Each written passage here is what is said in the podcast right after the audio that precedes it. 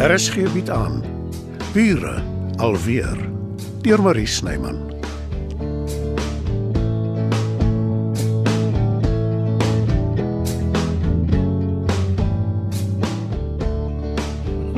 Maar Dita, wat vertel jy my? Dis wonderlik. Wanneer ontmoet ons hom? Wat is sy naam? Wat doen hy vir 'n lewe? O, die belangrikste van alles. Hoekom wil jy dit stil hou? Stadig nou, Brendan. Ek wil nie nou al te veel sê oor hom nie. O, oh, hoekom? Jy ken my geskiedenis. Ek wil dit nie jinx nie. Jy sal nie. Nie as hy die een is nie. Hoe klink dit my? Jy glo my nie. Hm, Dis nie dit nie. Natuurlik glo ek jou. Ek wonder maar net. Ek sou dit van die naaste kerktoring af verkondig het as ek jy was. O, oh, dis presies hoe ek voel aan die ander kant knyp ek myself oor ek self nie kan glo nie. Ah, maar ek moes dit net vir iemand vertel. Ek voel geëerd dat jy my gekies het. Oor ek weet jy's nie 'n skinderbek nie. Kan jy nou sien hoekom ek die mooi japonne gekoop het? As hy kom kuier en dit raak laat. O, oh, dit daai jou rakker. uh, oh, oh Brendan, ek was nog nooit in my lewe so gelukkig nie. Ek weet mense is eintlik nie veronderstel om verlief te raak op my jare nie, maar ek Nonsens. Waar kom jy daaraan? Jy kan verlief raak op enige ouderdom. oh, ek het geweet jy sal verstaan, Brendan. Ek kan nie wag om die geheimsinnige man te ontmoet nie. Jy sal. Maar onthou, Ja. jy mag vir niemand vertel nie.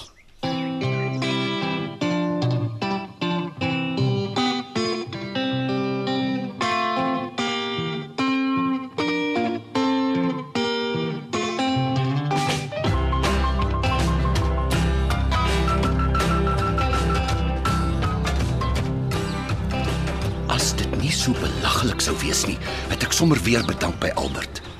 Ek ken my suster baie goed. Te goed eintlik. En ek weet hoe hardkoppig sy kan wees. Ek het dit nooit van Albert verwag nie. Maar lyk my hy is net so halstarrig soos sy. En nou dat die twee baklei het, wie weet waaroor, sit ek in die middel. En daar's niks wat ek so haat soos dit nie. Brendan, Uh, ja, luister jy ooit na wat ek sê? ja. Ekskuus, Joe. Natuurlik. Jy uh, jy en Matilda, Jy julle het nie 'n woord gehoor nie. Wat gaan aan met jou? Vandat jy teruggekom het van Diete af is jy vreemd. Jammer, Joe. Wat het sy met jou gedoen? Hm. Getoor. Wat is dit met jou en Matilda? Matilda en Albert.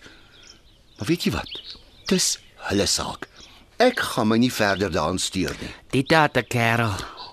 Wat? Sy maak my dood as sy weet ek het jou gesê. Sy het my hoog en laag laat sweer ek sal stil bly. Ek kon haar gesê het, jy kan nie jou mond hou nie. Sis Joe, skaam jou. Ek Jy's die een wat jou vriendin se geheim uitklap.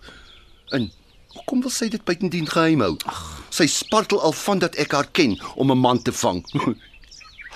Ha, Hy bestaan natuurlik nie. Wa- Wat sal sy so iets opmaak?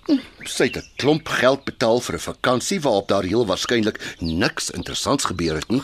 Nou voel sy sy moet kompenseer. Ek dink daarom is sy sal so iets doen nie. Sy het dalk 'n ou raag geloop en 'n bietjie met hom gesels. En toe is die bootreis verby en elkeen gaan sy eie gang.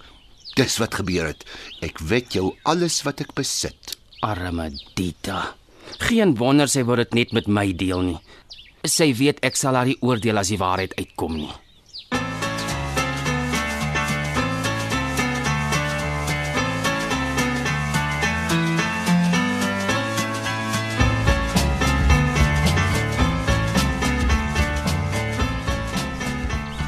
Ek is jammer so net. Jy kan vanaand hier slaap met die grootste liefde, maar daarna sal jy ongelukkig moet gaan. Ek wil niks van dit hê nie. Ek sê jy betaal vir die kamer en vir wat ek ook al eet of drink. Dis nie die punt nie. Nou wat is dan? Dis tog 'n besigheid die en dit lyk nie vir my asof daar enige ander gaste is nie. Dis 'n stil tyd. Dit sal vir jou optel. Veral as my meisie eers terug is. Oh, hoe werk dit? Is sy die heuningpot wat die bye lok? Jy kan dit seker so stel as jy wil. Soos ek jou gesê het, die plek behoort aan haar en haar ma. En dit was alles haar idee. Sy behartig die reklame en sy's uitstekend daarmee. Dan verstaan ek nie hoekom sy jou in beheer gelos het nie. maar dit lyk nie asof jy juis veel doen nie. Jy kan die onderwerp verander soveel as wat jy wil. Jy kan nog steeds nie hier bly nie. Ek sal vooruit betaal. Dit gaan nie oor die geld nie. Beide Albert en Matilda is my vriende en hulle is reg langs my. Hoe verduidelik ek dit vir hulle? Ek beloof ek sal nie moeilikheid maak nie. Dit het jy ongelukkig reeds gedoen. En ek weet dit gaan ongeskik klink, maar jy kan my maar verkwalik daarvoor as jy wil, maar ek dink nie jy is heeltemal eerlik oor jou situasie nie. As jy my wil beskuldig, wees tog net meer spesifiek. Volgens Albert het jy 'n huis gekry na julle egskeiding. Wat het skielik daarvan geword? Niks. Dit is nog daar. Dan verstaan ek nie hoekom jy sê jy het nie 'n huis nie. Ek het 'n huis. Ek kan net nie daar bly nie. Kom ek verduidelik vir jou. Ek is nie seker of ek wil weet nie.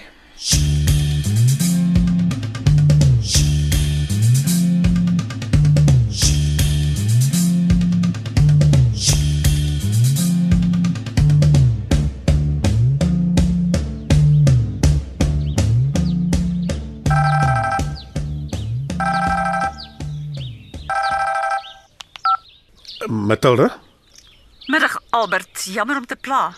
jy plag glad nie. Ja. Waarmee kan ek jou help? Ek het nie hulp nodig nie. Ek bel oor die verversings vir die parkdag. Dan neem ek aan Joe het met jou daaroor gepraat. Ja, maar ek wil nie vergoeding hê daarvoor nie. Dan is ek bevrees ek sal 'n ander spyseneer moet kry. Genigtig Albert, ons praat van 'n klomp mense uit die omgewing wat gaan bossies uittrek in die park. Die burgemeester gaan daar wees en Ek weet. Ek Ek probeer nie jou poging afmaak nie. Al wat ek sê is d- dis 'n informele buitelug geleentheid in die oggend vir die mense van ons gemeenskap, vir ons buurt. Ek wil graag my deel doen. dis my idee, my onderneming en uh, Mag ek jou daaraan herinner ek bly baie langer hier as jy en alhoewel ek jou poging waardeer en ondersteun, ek sal die kos voorsien en ek sal nie betaling aanvaar daarvoor nie. Wel Matilda, ek dring aan daarop.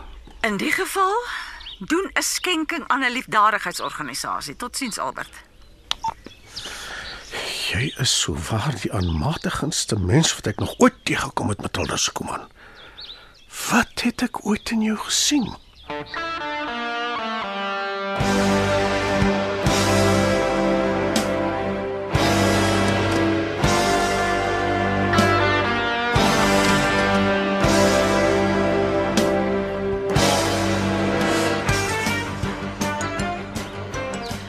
besit ek nog my eie huis. Ek sal dit nooit prys gee nie. Ek het daai huis verdien. Dubbel en dwars. Is nie 'n grap om met Albert Havenga getroud te wees nie. En tog wil jy hom terug hê. Liefde is 'n rare verskynsel, my liewe Werner. Ware liefde is onvoorwaardelik. En dis wat jy vir Albert voel. Moenie my vra hoekom en hoe nie, maar ja, dit is. Jy het my nog nie vertel hoekom jy nie in jou huis kan bly nie. Ek het baie uitgawes. Mens lyk nie van self so goed nie. Dit kos geld. Ek het my plek verhuur. Maar nou wil jy betaal om hier te bly. Dit maak mos nie sin nie. Jy het duidelik nie 'n kop vir besigheid nie. 'n Oorseese ou huur my huis met alles daarin. Meubels, matte, skilderye, breekgoed, die lot. Ek vat net my persoonlike besittings uit en ek kry goeie geld daarvoor. Hoekom jy's hier so net? oh, wag, wag. Ek ken die antwoord. Jy wil Albert terugwen. Korreksie. Ek gaan hom terugwen. Toe. Wys my jou kamer sodat ek een kan kies. En maak solank my rekening uit. Ek is seker as afslag as mens maandeliks betaal. So net, ek dink reg Bel jou meisie en bespreek dit met haar. Sy klink vir my na iemand met 'n kop op haar skouers. hier kom moeilikheid met 'n hoofletter M.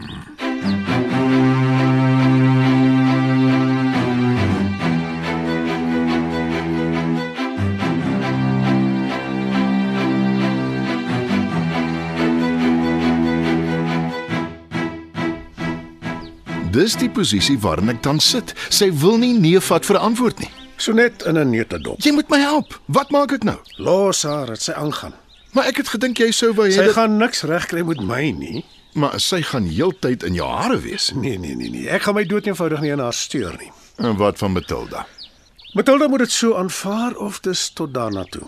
Daar was beslis iets vreemds in die water in Dalstroom. Jy sing heeltemal 'n ander dingetjie. Ek was van tevore getroud meer as een keer. En ek is geskei. Sy was van tevore getroud en haar man is dood. As ons bedoel is om saam te wees, sal dit gebeur. Ekskuus, maar jy praat te maklik en jy het jou hele houding verander. Ek vertrou nie die vrede nie. Sonet gaan agterkom dat al slaan sy 'n tent op op die sypaadjie voor my huis, ek stel nie in haar belang nie. En Matilda gaan agterkom ek het emosionele bagasie. Nes sy. Dis een manier om daarna te kyk. Dis al manier. Jy het soveel vordering gemaak in julle verhouding. Ek kan nie help om te dink julle beweeg nou weer agteruit nie. Dis nie hoe ek dit wou gehad het nie, maar ek kan niks daaraan doen nie.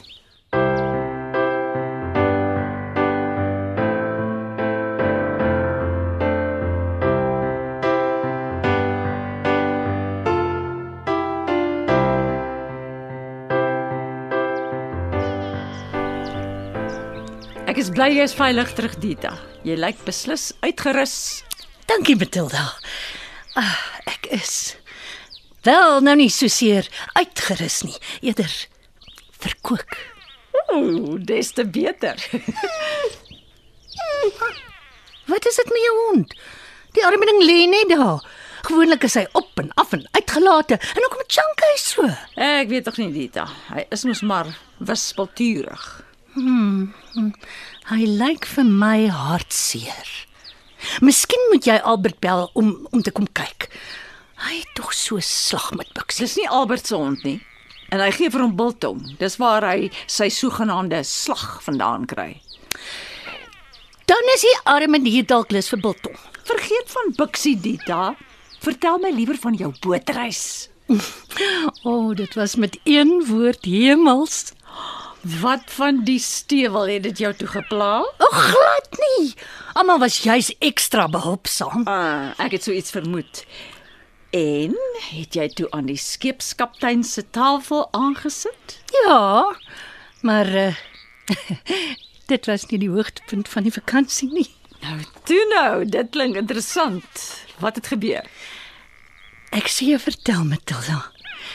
Oor jy my heel beste vriendin is. Maar eers moet jy beloof jy sal vir niemand sê nie. Jy weet hoe ek voel oor sulke goed, Dita. Matilda, Nou goed. Ek beloof. my drome is bewaarheid. Uiteindelik. Ek het my droomman ontmoet. Op die boot? Ja, Maar niemand mag daarvan weet behalwe ek nie. Ai, Dita. dis waar Matilda.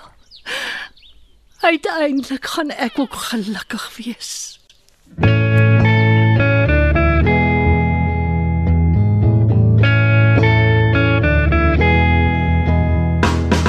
Dit was Bure alweer deur Marie Snyman. Nerea Mkwena behartig die tegniese versorging en Evert Snyman die musiek en byklanke. Bure alweer word in Johannesburg opgevoer deur Marie Snyman.